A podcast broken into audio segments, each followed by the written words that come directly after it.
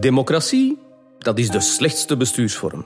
Weliswaar met uitzondering van alle andere vormen die van tijd tot tijd zijn uitgeprobeerd. of freedom and democracy. Winston Churchill, de voormalige Britse premier, vatte het perfect samen. We zijn soms ontevreden, gefrustreerd met ons huidige democratische systeem. We hebben het gevoel dat het de hele tijd vastloopt, afspraak is dat er eh, in de loop van volgende week een technische vergadering komt. dat er niet krachtdadig beslist kan worden, dat er te veel gepalaverd en gebakken lijdt. Ik citeer uw woord. Maar we hebben ten gronde nog geen beter systeem gevonden. Ja, we hebben vroeger alternatieven gekend, maar daar moeten we toch allesbehalve heimwee naar hebben. En we zien vandaag nog veel andere systemen in de wereld waar we ook niet echt jaloers op moeten zijn. Zo zijn er bijvoorbeeld genoeg landen waar je de bak in vliegt als je nog maar een ietsiepietsie kritiek hebt op de regering. Terwijl zeuren over de regering bij ons een nationale sport is geworden. Het lijkt voor ons misschien een wat duffe evidentie dat we in een democratie leven, maar dat is het dus helemaal niet. Waarom moeten we nog blij zijn met onze democratie? Vanuit het Vlaams parlement, dit is de Universiteit van Vlaanderen. Democratie dus. We hebben er allemaal wel een beeld van, maar wat houdt het nu eigenlijk precies in? Welke verschillende verschijningsvormen kent die democratie? Dit Vlaams parlement, waar we ons nu bevinden, is alvast een goede uitvalsbasis om die vragen te beantwoorden, want van hieruit wordt een belangrijk deel van ons land mee bestuurd. Maar je zou je allereerst al kunnen afvragen waarom we eigenlijk bestuurd moeten worden. Waarom we eigenlijk politiek nodig hebben. Kan iedereen eigenlijk niet gewoon zijn eigen ding doen? Wel, in elke samenleving zullen altijd verschillende mensen en groepen bestaan. Die hebben uiteenlopende belangen en visies, waardoor die soms met elkaar in conflict kunnen komen. Denk bijvoorbeeld aan mensen die een verschillende plaats innemen in het economische proces. Werkgevers versus werknemers. Of mensen die verschillende religies aanhangen, of helemaal geen religie aanhangen. Mensen die verschillende talen spreken, enzovoort enzoverder. Er moet in een samenleving ook van alles collectief georganiseerd worden. Onderwijs, gezondheidszorg, veiligheid, mobiliteit, om maar enkele zaken te noemen. Ook daarover moeten allerlei keuzes gemaakt worden. Zoals hoeveel van de beschikbare middelen naar al die verschillende domeinen gaat gaan. Maar bijvoorbeeld ook, wat moet je precies kennen als je van school komt? Hoeveel van je medische kosten wordt terugbetaald? Hoe moeten de politie en de justitie omgaan met drugsgebruik? Welke treinverbindingen worden aangelegd of afgeschaft? Enzovoort en zo verder. Massa's maatschappelijke keuzes. Kortom, om het samenleven mogelijk te maken, conflicten te vermijden of op te lossen, maar ook om te zorgen dat iedereen zoveel mogelijk vrij zijn eigen leven kan leiden, moet je dus afspraken en regels maken, waaraan iedereen zich zal moeten houden. Die afspraken en die regels die noemen we ook wetten. Vraag is nu hoe die wetten precies gemaakt zullen worden. In dictaturen is dat redelijk snel en gemakkelijk. Daar beslist één persoon of een beperkte clan of een partij alles. Dat is heel fijn als je deel uitmaakt van die clan. Maar meestal iets minder fijn als je behoort tot de rest van de bevolking die daar geen inspraak heeft. In een democratie is het daarentegen de bedoeling dat het volk zichzelf bestuurt. Daar komt het woord democratie ook vandaan.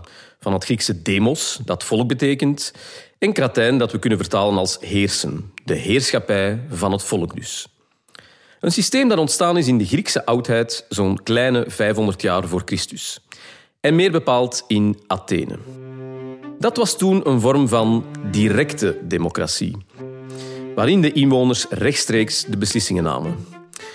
Concreet konden alle Atheense burgers samenkomen in een centrale volksvergadering, de Ecclesia, om daar te beslissen.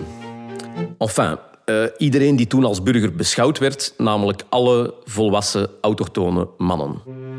Ook vandaag worden er in veel landen nog vormen van directe democratie gebruikt. Door mensen via een volkslaatpleging of referendum te laten stemmen over specifieke vragen. Meestal met een ja of een nee. Zwitserland is het land waarin dit het meest is ingeburgerd. Daar worden regelmatig allerlei referenda voorgelegd. Uh, they finished voting in Switzerland. Switzerland overwhelmingly rejected a The proposal. European Commission has welcomed the results of a Swiss referendum. In veel andere landen gebeurt het nu en dan.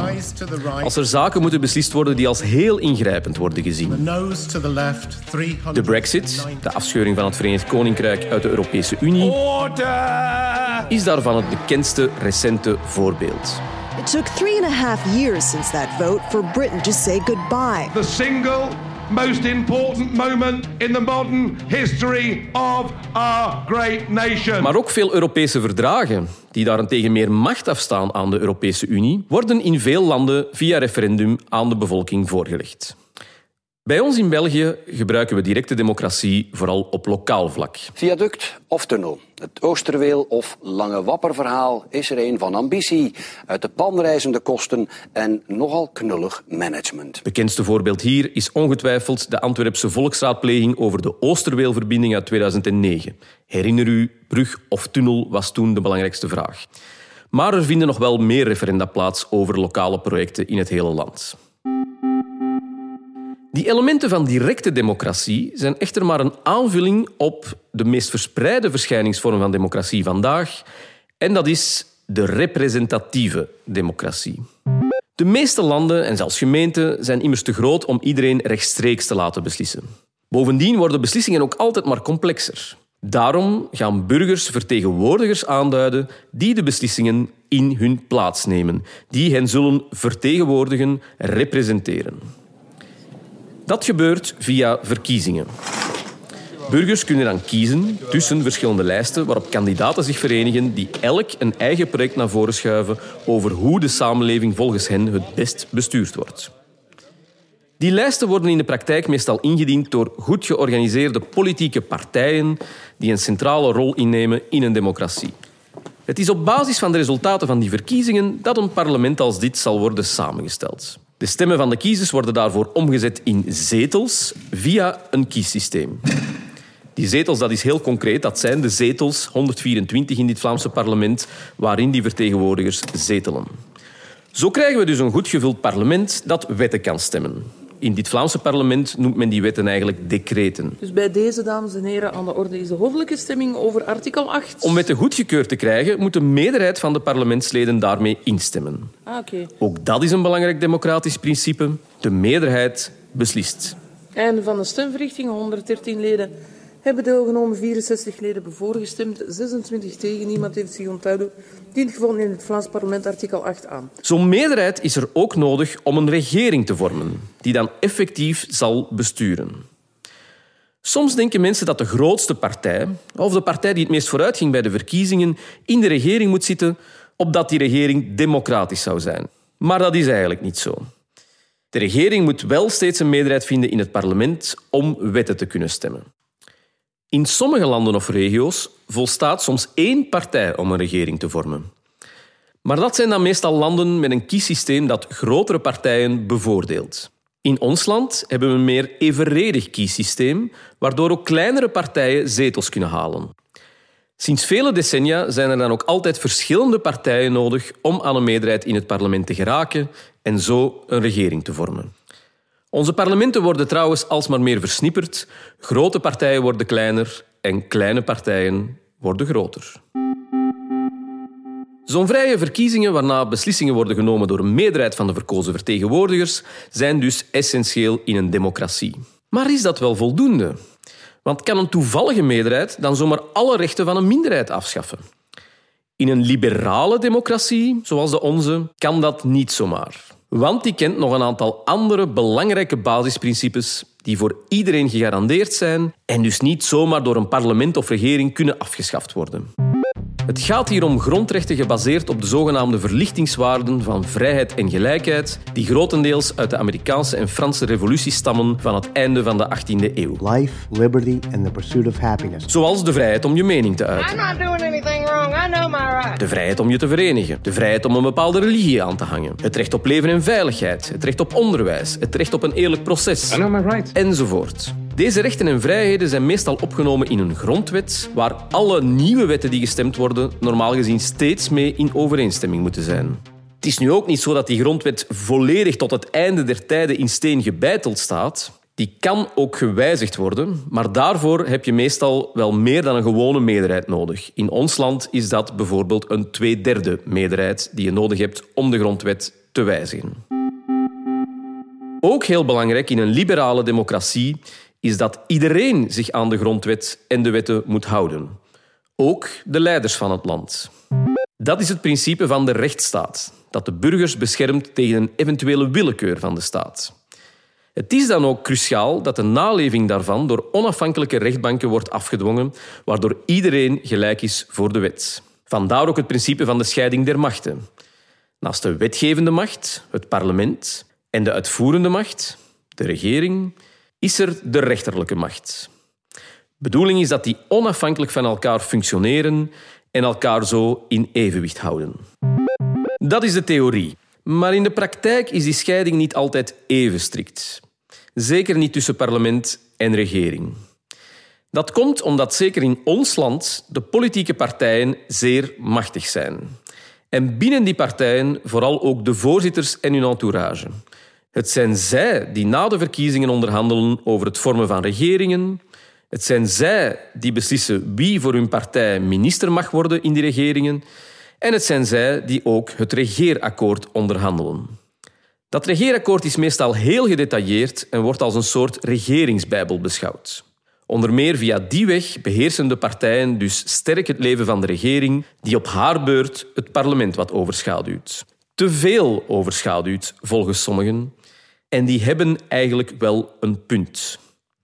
Het is daarom dat België, maar ook Vlaanderen, soms een particratie wordt genoemd. Een systeem waarin de politieke partijen de centrale actoren zijn en waarin zij eigenlijk heel sterk de andere instellingen domineren, waaronder het parlement. Dat parlement, zoals gezegd, wordt dus samengesteld door de kiezers. Maar wie zijn dat nu eigenlijk precies? In een representatieve democratie is een belangrijke vraag wie precies stemrecht krijgt. Sommigen zien gaan stemmen misschien als een vervelende last. Maar daar is de voorbije eeuwen toch wel zwaar strijd voor geleverd. Bij het ontstaan van België, bijna 200 jaar geleden, mochten enkel mannen stemmen die boven de 25 waren en die een bepaald bedrag aan belastingen betaalden. Kortom, rijke mannen. Resultaat? Maar 46.000 Belgen konden in 1830 meebepalen wie er in de Kamer zou zetelen. In 1893 komt er dan een belangrijke uitbreiding. Elke man boven de 25 mag vanaf dan stemmen. Maar wie een diploma heeft of een bepaald vermogen, kon tot twee stemmen extra krijgen. Het meervoudige stemrecht werd dat genoemd. Na de Eerste Wereldoorlog vallen die extra stemmen weg en heeft elke man die minstens 21 jaar is één stem. Elke man, zei ik, want voor vrouwen is het nog tot 1948 geduld oefenen vooraleer ook zij bij nationale verkiezingen mogen stemmen. Daarna wordt de leeftijd nog verlaagd tot 18 jaar en mogen ook EU-burgers meekiezen. Kortom, stemrecht voor iedereen is dus allesbehalve een evidentie in een democratie. Nu had ik het over stemrecht, maar dat klopt in ons land eigenlijk niet helemaal. Want wij zijn een van de weinige landen waar nog opkomstplicht bestaat. Als meerderjarige Belg ben je dus verplicht om je op verkiezingsdag naar het stemhokje te begeven. Het is opkomstplicht, geen stemplicht, want je mag daar nog altijd wel blanco stemmen. Of als je op papier stemt, kan je ook allerlei vieze tekeningetjes op je biljet maken, zodat het ongeldig wordt. Maar je moet wel naar het stemhokje.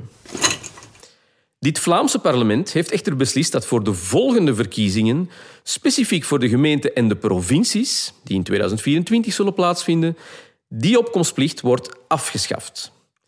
Voor de regionale, federale en Europese verkiezingen die eerder dat jaar plaatsvinden, zal je daarentegen nog wel verplicht zijn om te gaan stemmen. Waarom ben ik verplicht om te stemmen? Waarom? Het is toch een vrije land? Tegenstanders van de opkomstplicht vinden dat iedereen de vrijheid moet hebben om zelf te bepalen of die wil gaan stemmen. Toch moet je gaan, hè? Nee. Moet je niet gaan? Je moet gaan, maar wie zegt dat je gaat? Voorstanders wijzen er dan weer op dat als je niet iedereen verplicht, mensen in een zwakkere socio-economische positie doorgaans minder gaan stemmen en dus minder vertegenwoordigd zullen zijn. Nee, maar als je niet gaat stemmen, dan heb je gewoon geen stem, hè? Het is dus een complex debat. Maar is dat eigenlijk niet wat weinig? Zo één keer om de vier, vijf of zes jaar gaan stemmen. We proberen toch allemaal goed geïnformeerde en kritische burgers te zijn. En is dat systeem van vertegenwoordiging wel ideaal? Uit onderzoek blijkt dat weinig kiezers het op alle punten eens zijn met een bepaalde partij. Ook niet met de partij waarvoor ze uiteindelijk stemmen. En die partijen ja, die gaan soms ook heel eigen logica's en belangen ontwikkelen die niet meer altijd overeenkomen met die van hun kiezers. Daarom zijn er de laatste jaren steeds meer vormen van participatieve democratie ontstaan, waarmee men probeert de burgers rechtstreeks bij het beleid te betrekken.